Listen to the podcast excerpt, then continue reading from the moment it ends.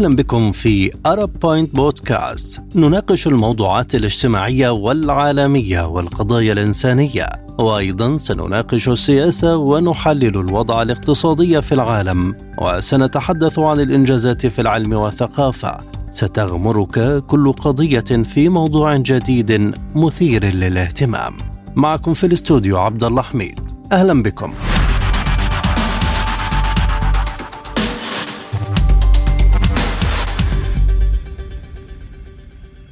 لن تتحمل المملكة العربية السعودية مسؤولية أي نقص بإمدادات البترول للأسواق العالمية. تأكيد جديد من الحكومة السعودية يخرج من رئاسة الوزراء في جلسة ترأسها الملك سلمان بن عبد العزيز.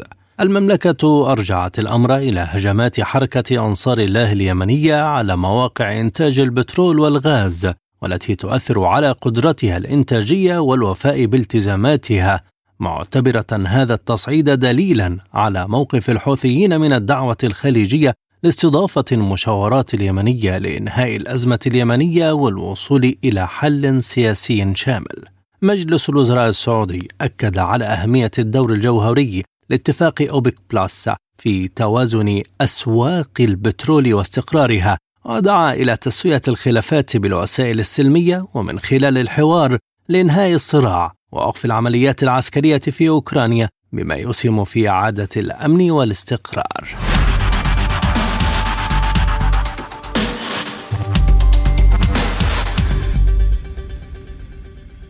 ينضم إلينا من جدة الدكتور محمد سرور الصبان كبير مستشاري وزير البترول السعودي سابقا. أهلا بك معنا دكتور. إلى ماذا يشي موقف الحكومة السعودية من عدم تحمل الرياض؟ مسؤولية نقص إمدادات البترول. بسم الله الرحمن الرحيم. كلنا يعرف أن هجمات الحوثيين على المملكة العربية السعودية وبالتحديد على منشآت النفط تعددت وتزايد في الآونة الأخيرة بشكل كبير لا يطاق. ونعرف أن الحوثيين من ورائهم إيران وهي تحرضهم. وكنا نعتقد أنها ورقة ضغط لإيران من أجل التوصل إلى اتفاق نووي. لكن مع بزوغ الاتفاق وظهور علامات بتوقيعه قريبا كنا نتوقع أن يكون هذا هذه الهجمات قد انخفضت وانتهت. ما يحدث الآن أن المجتمع الدولي وبالذات الدول الغربية والأمم المتحدة هي فقط تستنكر وتشجب دون اتخاذ أي إجراءات في هذا المجال لتقليص أو لإنهاء هذه الهجمات الحوثيه البربرية. وبالتالي آه، في كل مرة المملكة العربية السعودية تتأثر سلبا من جراء تدمر بعض منشآتها النفطية وتتحمل تكاليف كبيرة من أجل إعادة المحطات والحقول إلى سابق عهدها وعودة طاقتها الإنتاجية إلى الكامل، لكن الآن مع الإهمال الدولي كبير ومع تغير واستمرار تجاهل هذا الموضوع وجدت المملكة أنها تحمل تتحمل تكلفة أكثر مما تستحقه في هذا المجال. ولذلك هي أصرت الآن أن القادم من الهجمات سيؤدي إلى انكشاف بأن هنالك كثير من الدمار وأن هذه التكلفة سوف لن تقوم بتغطيتها وبالتالي يؤدي هذا إلى نقص في الامدادات البترولية للمملكة العربية السعودية في الأسواق العالمية. لكن الرياض ودول الخليج دعت إلى الحوار اليمني مؤخرا، فهل آه، تفهم المملكة أن الحرب آه، مستمرة في اليمن بعد الرد الحوثي؟ نحن نتمنى أن يعود الحوثيون وأن يعود الإيرانيون إلى رشدهم في الفترة القادمة ونتمنى أن يحضروا أن يحضر الحوثيون مؤتمر الرياض الذي دعت له دول مجلس التعاون من أجل إبرام اتفاق سلام. لكني أنا شخصيا أشك أنهم سيعودون لأن أمرهم ليس بيدهم. أمرهم بيد إيران وإيران تحاول أن تستخدم اليمن من أجل الوصول إلى المملكة العربية السعودية في إطار التوسع الذي تطمح إليه بكل أسف. ما الذي يمكن أن يتغير في تعامل السعودية مع المجتمع الدولي في ظل ما تصفه الرياض بالصمت الدولي على هجمات حركة أنصار الله هذا الأمر هو الذي يتغير الآن بمعنى آخر نقص الإمدادات في وقت حرج مثل هذا في في ظل حرب أوكرانيا وروسيا التلويح بالحظر البترولي وإن لم تستطع أوروبا لاعتمادها الكبير على النفط والغاز الروسيين. كل هذه بطبيعة الأحوال تبين أننا سوف لن نساعد من في إطار تحالف أوبك بلس لتقليص النقص لو حدث في الإمدادات لمختلف دول العالم. وعلى العالم أن يعي أنه إذا أراد هذه الخدمة التي ليست هي مجانيه اطلاقا إذا أراد هذه الخدمة أن تقدمها السعودية وتستمر مصدر آمن وموثوق ويمكن الاعتماد عليه كما كان الحال في الماضي فعليها ردع الحوثيين بطريقة يتم بموجبها إيقاف هذه الهجمات والعودة إلى طاولة المفاوضات من أجل إبرام اتفاق سلام بينهم. دكتور ما الدور الذي تتطلع إليه الرياض في خضم التحديات السياسية والاقتصادية وحتى العسكرية في المنطقة؟ المملكة العربية السعودية أصبحت أكثر اعتمادا على نفسها بل حتى منطقة الخليج منطقة مجلس التعاون العربي أصبح أكثر اعتمادا على نفسه بعد أن أدارت الولايات المتحدة ظهرها للمنطقة سحبت الصواريخ الباتريوت وتجاهلت وذكرت بأننا نسعى لعزل المملكة العربية السعودية والإمارات والحمد لله لا يستطيع أحد أن يعزل هاتين الدولتين وبالذات المملكة العربية السعودية وهي عاصمة المسلمين. ولذلك الآن هنالك تجاهل كبير تجاه الولايات المتحدة ومنفتحون الآن على الشرق الصين والهند وروسيا وغيرها في التعاون الاقتصادي وفي تنويع اقتصادنا السعودي المحلي في الفترة القادمة طيب أسعار النفط وارتفاعها هل يؤثر على المملكة اقتصاديا أم له تداعيات عكسية؟ هو يفيد في الفترة القصيرة لكن نحن دائما وابدا ومنذ عقود نلوح ونخشى من تأثير السلبي آه، للأسعار المرتفعة عن حدود معينة على الطلب العالمي على نمو الطلب العالمي على النفط. وبالتالي ولو ولو لاحظت فإن اتفاق آه، أوبك بلس هو يسعى إلى إحداث التوازن من أجل أن لا ترتفع الأسعار عن حد معين. ولذلك حينما طالبت الولايات المتحدة وبعض الدول الأوروبية بزيادة الإنتاج ذكرنا لهم أننا نحن أمام اتفاق مع آه، دول تحالف أوبك آه، بلس آه، وهم 23 دولة التزمنا بحصص معينة ولا يمكن لنا كدولة إسلامية كدولة تراعي وتلتزم بالمواثيق وما تعهدت به أن تخل بهذا الالتزام، إن كانت هنالك مطالب فعلى الولايات المتحدة وعلى أوروبا أن يذهبوا أو يأتوا إلى تحالف أوبك بلس في محاولة لإقناع الجميع 23 دولة حيث أن القرارات بالإجماع بأن هنالك حاجة لزيادة المعروض. وفي كل الأحوال الآن ليس هنالك نقص المعروض العالمي النفط وكل الارتفاعات في الأسعار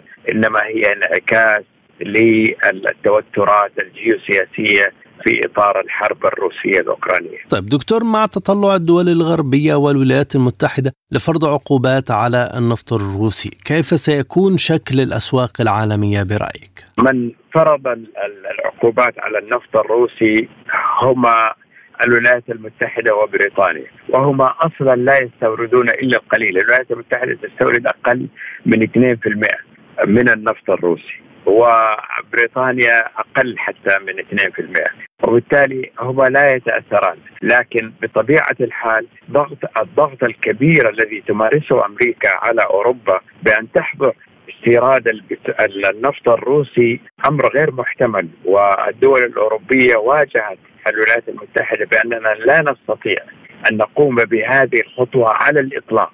وعليكم ان أن تعوا ذلك مستقبلنا الاقتصادي واعتمادنا على النفط الروسي والغاز الروسي. هما أمران لا يمكن التفاوض حولهما أو يكفي ما تم فرضه من عقوبات على روسيا في الفترة الماضية. للأسف أوروبا تنجر وراء الولايات المتحدة في كل خطوة تطلبها منه ولا تدري أوروبا بأن هذا يؤدي بها إلى الهلاك. والولايات المتحدة بعيدة عن أوروبا وبالتالي الأضرار جميعها متركزة في قارة الأوروبية وعلى الأوروبيين أن يعوا ذلك تماما في سبيل حفاظ على مصالحهم الوطنية والاقتصادية. شكرا جزيلا لك دكتور محمد سرور الصبان كبير مستشاري وزير البترول السعودي سابقا كنت معنا من جدة. من الرياض ينضم إلينا الدكتور أحمد الركبان الأكاديمي والخبير السياسي. أهلا بك دكتور. ما المفهوم من تعامل الرياض بأسس واتفاقات أوبك بلس لتوازن أسواق البترول واستقرارها في ظل مطالبات أمريكية بزيادة المعروض مساء الخير لكم. الحقيقة المملكة العربية السعودية آه، تتعامل مع الأزمات الدولية باحترافية عالية والمملكة دائما هي ملتزمة بما تتعهد به في منظمة الأوبك. والمملكة السعودية إحدى الدول التي تقود منظمة الأوبك خاصة فيما يعنى بصادرات البترول ووارداتها. وأعتقد أنه الأزمات التي حدثت مؤخرا المملكة العربية السعودية تنظر لها نظرة يعني شمولية.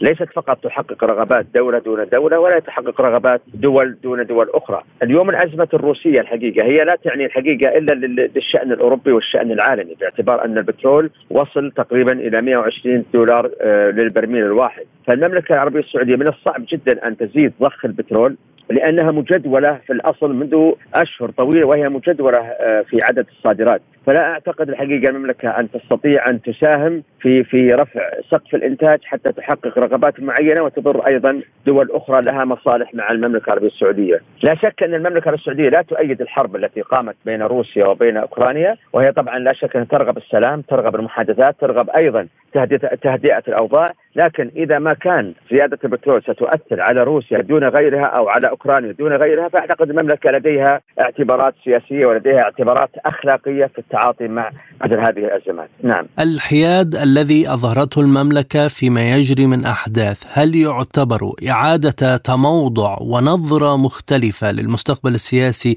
والاقتصادي للسعودية مع حلفاء جدد؟ المملكة العربية السعودية هي عرف عنها حتى قبل هذه الأزمة بأنها دائما تأخذ منحى الحياد لطالما الحقيقة أن هناك مصالح ضد مصالح أخرى. والمملكة العربية السعودية اليوم الحقيقة بعد تولي بايدن وجدت الحقيقة ان ان ان أن الحليف الأمريكي بدأ يتغير منذ عهد أوباما تقريبا، منذ عهد أوباما الحقيقة المملكة أحرجت في كذا يعني موضوع سياسي ولذلك لا تعتمد المملكة الحقيقة على الولايات المتحدة الأمريكية منذ سنوات، اليوم الحقيقة عندما تولى الرئيس بايدن أكد آه، بما لا يدعو مجال الشك أنه لا يصلح أن يكون حليف استراتيجي مثل ما كان منذ عهد روزفلت مع الملك عبد العزيز رحمه الله. عندما كان روزفلت يلتزم الحقيقة بالمعاهدات وبعدها الرؤساء دول أمريكا حتى عهد الرئيس الأمريكي جورج بوش أنا أعتقد انه الولايات المملكة السعودية تنظر نظرة للولايات المتحدة الأمريكية كدولة صديقة. لا يمكن الحقيقة أن أن أن تعطي فرص للخلافات لا يمكن أن تعطي فرص إلى إلى توسع فجوه الخلاف لكن المملكة تتعامل وفق مصالحها. اليوم الحليف الأمريكي تخلى عن المملكة العربيه السعودية في أزمته مع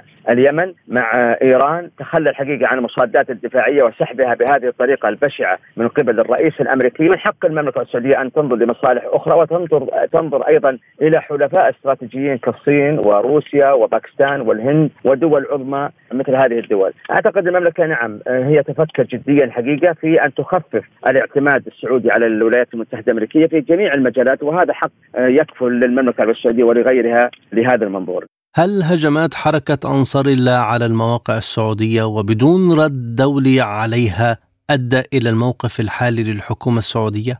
سؤال جميل الحقيقة لأن التخاذل الدولي مع الأسف الشديد والتعاطف مع إيران ومع الحوثي سبب هذه الأزمات الحقيقة وسبب أن المملكة السعودية أصبحت بدأت تعتمد على نفسها وتعتمد على شركاء آخرين. ولا يمكن حقيقة بحال من الأحوال أن تقف المملكة السعودية ودول الخليج مجتمعة مع آه، الأمم المتحدة طالما أن الأمم أصلا هي متخاذلة مع المملكة السعودية ومع الأسف الشديد يعني أثبتت هذه الحرب وهذه المناوشات من قبل الحوثي المدعوم من إيران والمدعوم مع الأسف الشديد من الولايات المتحدة الأمريكية بصورة مبطنة، أنا أعتقد أن المملكة لها نظرة اعتبارية جديدة، بدأت تكشف الأوراق، بدأت to تفتضح كثير من القضايا الحقيقة التي تأتي ضد المملكة السعودية. ولذلك اليوم خطورة الحوثي واعتداء على المنشآت البترولية وأعتقد البيان السعودي مؤخرا عن ما حصل في آه، آه، الأماكن البترولية أو المنشآت البترولية يتسببها ويتحملها دول العالم وليس المملكة العربية السعودية لوحدها لأن أي نقص يأتي في البترول هي نتيجة والإمدادات هي نتيجة ما يقوم به الحوثي مدعومه من إيران عن طريق طائرات درون أو عن طريق صواريخ استراتيجية دقيقة الهدف. أنا أعتقد هذا يجب الحقيقة أن يتحملها العالم يجب أن يكون العالم مسؤول أمام هذه الهجمات والمملكة الحقيقة أدت الحقيقة كل ما عليها هي حتدافع عن وطننا حتدافع عن حدودها لكن يجب الحقيقة العالم أن يتحمل جزء كبير على الأقل في أن يكون الحوثي من الجماعات الإرهابية المعتبرة لدى الولايات المتحدة الأمريكية. إلى أي مدى تتغير المعادلات وشكل التحالفات بين دول الشرق الأوسط خاصة العربية مع الدول الكبرى والولايات المتحدة. المشكلة الحقيقة أن بعض دول أوروبا وإذا حددنا الحقيقة فرنسا وكذلك بريطانيا بالإضافة إلى ألمانيا دول الحقيقة تعتبر بالنسبة للاتحاد الأوروبي دول مهمة جدا. اليوم الحقيقة هذه الدول أثبتت في الأزمتين الأخيرتين تقريبا أثبتت حقيقة تعاطفها مع الولايات المتحدة الأمريكية دون غيرها، والدول العربية مثل ما ذكرت يا زميلي أنها تسعى لمصالح اقتصادية، مصالح أمنية مشتركة. بعض الدول هذه الحقيقة ناقضت الحقيقة الاتفاقيات الموقعة ما بينها وبين بعض الدول العربية والدول الخليجية، وأعتقد لما لما تنقض هذه الاتفاقيات أو لم تنفذ على أرض الواقع لا شك الحقيقة أن انعدام الثقة في هذه الدول وخاصة من الرأي العام العربي والرأي العام الخليجي أنا أعتقد من حق آه هذه المجتمعات العربية والخليجية أن تعيد النظر في علاقاتها مع هذه الدول، اليوم الحقيقة أنا أقولها بكل صراحة وبكل شفافية أكثر دول أوروبا لم يعد الثقة موجودة فيهم خاصة بعد ما تولى كثير من الرؤساء الحاليين. أصبحت يعني أوروبا مصدر قلق بالنسبة للدول الخليجية يعني وقوف تصدير الدفاعات الحربية آه، عدد من الصناعات الأسلحة والذخائر كلها أوقفت بسبب إرضاء الولايات المتحدة الأمريكية. أنا أعتقد أن دول الخليج الآن بدأ فعلا ينظر نظرة اعتبارية جديدة بعيدا عن أي مصالح معينة لكن الحقيقة لابد الدول العربية والدول الخليجية تسعى إلى أن تكون هناك قوة استراتيجية عربية متجهة لكثير من الدول وتنوع أنا أتوقع تنوع العلاقات ما بين أوروبا وآسيا بالإضافة إلى جنوب أفريقيا هذا تنوع صحي يجب الحقيقة الأخذ به باعتبارات حدثت سابقة، اليوم الحقيقة سطرت الولايات المتحدة الأمريكية وبعض دول أوروبا سطرت منظومة للرأي العام العربي أننا دول لا يمكن الوثوق بنا. هل الدول العربية يعني بحاجة الآن إلى تفعيل المعاهدات البينية في المنطقة خاصة الاقتصادية منها والعسكرية.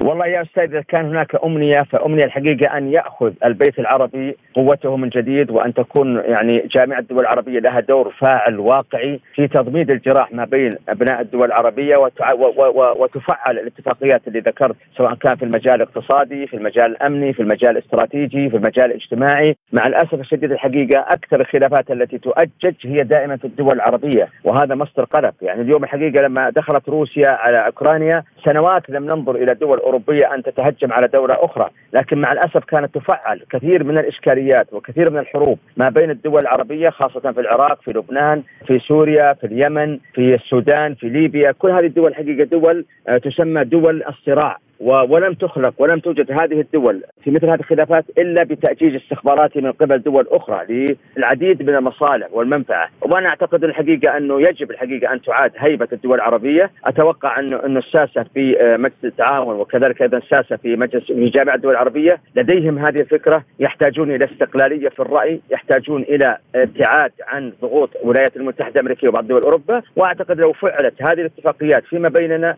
لم نحتاج إلى أمريكا ولا إلى دول أوروبا. أوروبا. شكرا جزيلا لك دكتور أحمد الركبان الأكاديمي والخبير السياسي. كنت معنا من الرياض. ونشكركم مستمعينا الكرام. كنا معكم Arab Point بودكاست اشترك اعمل like واكتب تعليقك. إلى اللقاء.